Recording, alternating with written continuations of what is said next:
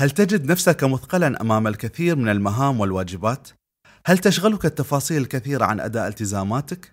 تكثر الأسباب ولكن أهمها هو عدم قدرتك على تبسيط الأشياء. قد تتساءل لماذا البساطة مهمة؟ وتظن أن البساطة شيء ليس ذا قيمة. دعني أخبرك أهمية البساطة في هذه الحلقة.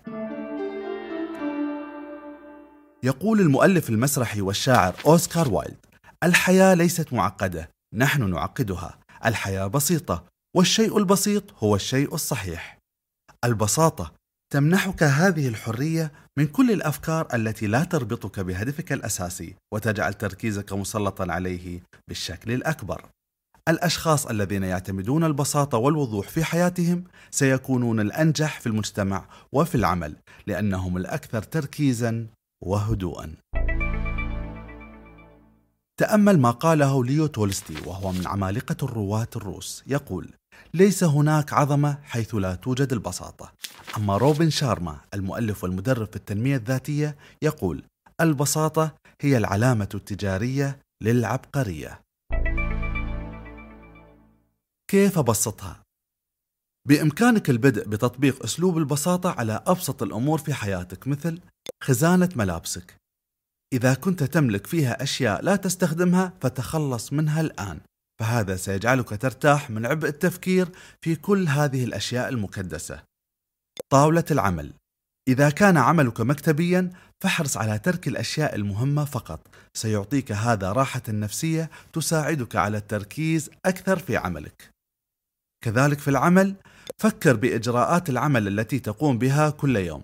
فكر بالإجراء أو المهمة الزائدة أو تلك التي يمكن أن تدمج مع التي قبلها أو بعدها. اختصر خمس إجراءات في اثنين فقط. إذا كنت ترغب في التمرين ولكن النادي الصحي يبعد عنك مسافة طويلة بسطها وتمرن في البيت. امشي خارج المنزل. تكلم بلغة البساطة وستجد نفسك أكثر رشاقة في أداء مهامك وتحقيق طموحاتك. مبادئ البساطة. لكي تتقن البساطة عليك أن تتبنى مجموعة من القيم أهمها القناعة. فإذا أردت أن تجعل حياتك بسيطة وخالية من التعقيد عليك أن ترى النعم التي حباك الله بها وأن ترضى بالمقدر دون أن يخل ذلك من طموحك وسعيك ودون أن تنظر إلى ما في أيدي الآخرين. المرونة. عقلية الشخص الذي يؤمن بالبساطة مرنة للغاية وهو مستعد لتقبل التغيرات بشكل سريع مما يساعده في التقدم بسرعة نحو أهدافه.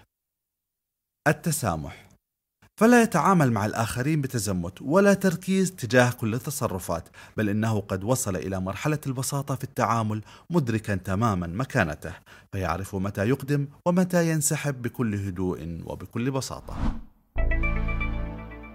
لنتمعن فيما قاله ستيف جوبز حول البساطة. البساطة ليست شيئا سهلا يمكنك فعله بل إنها تحتاج مجهود فإن أتقنته حركت الجبال. إذا أردت أن تكون ذكيا وذا مصداقية فلا تستخدم التعقيد إذا كانت البساطة كافية.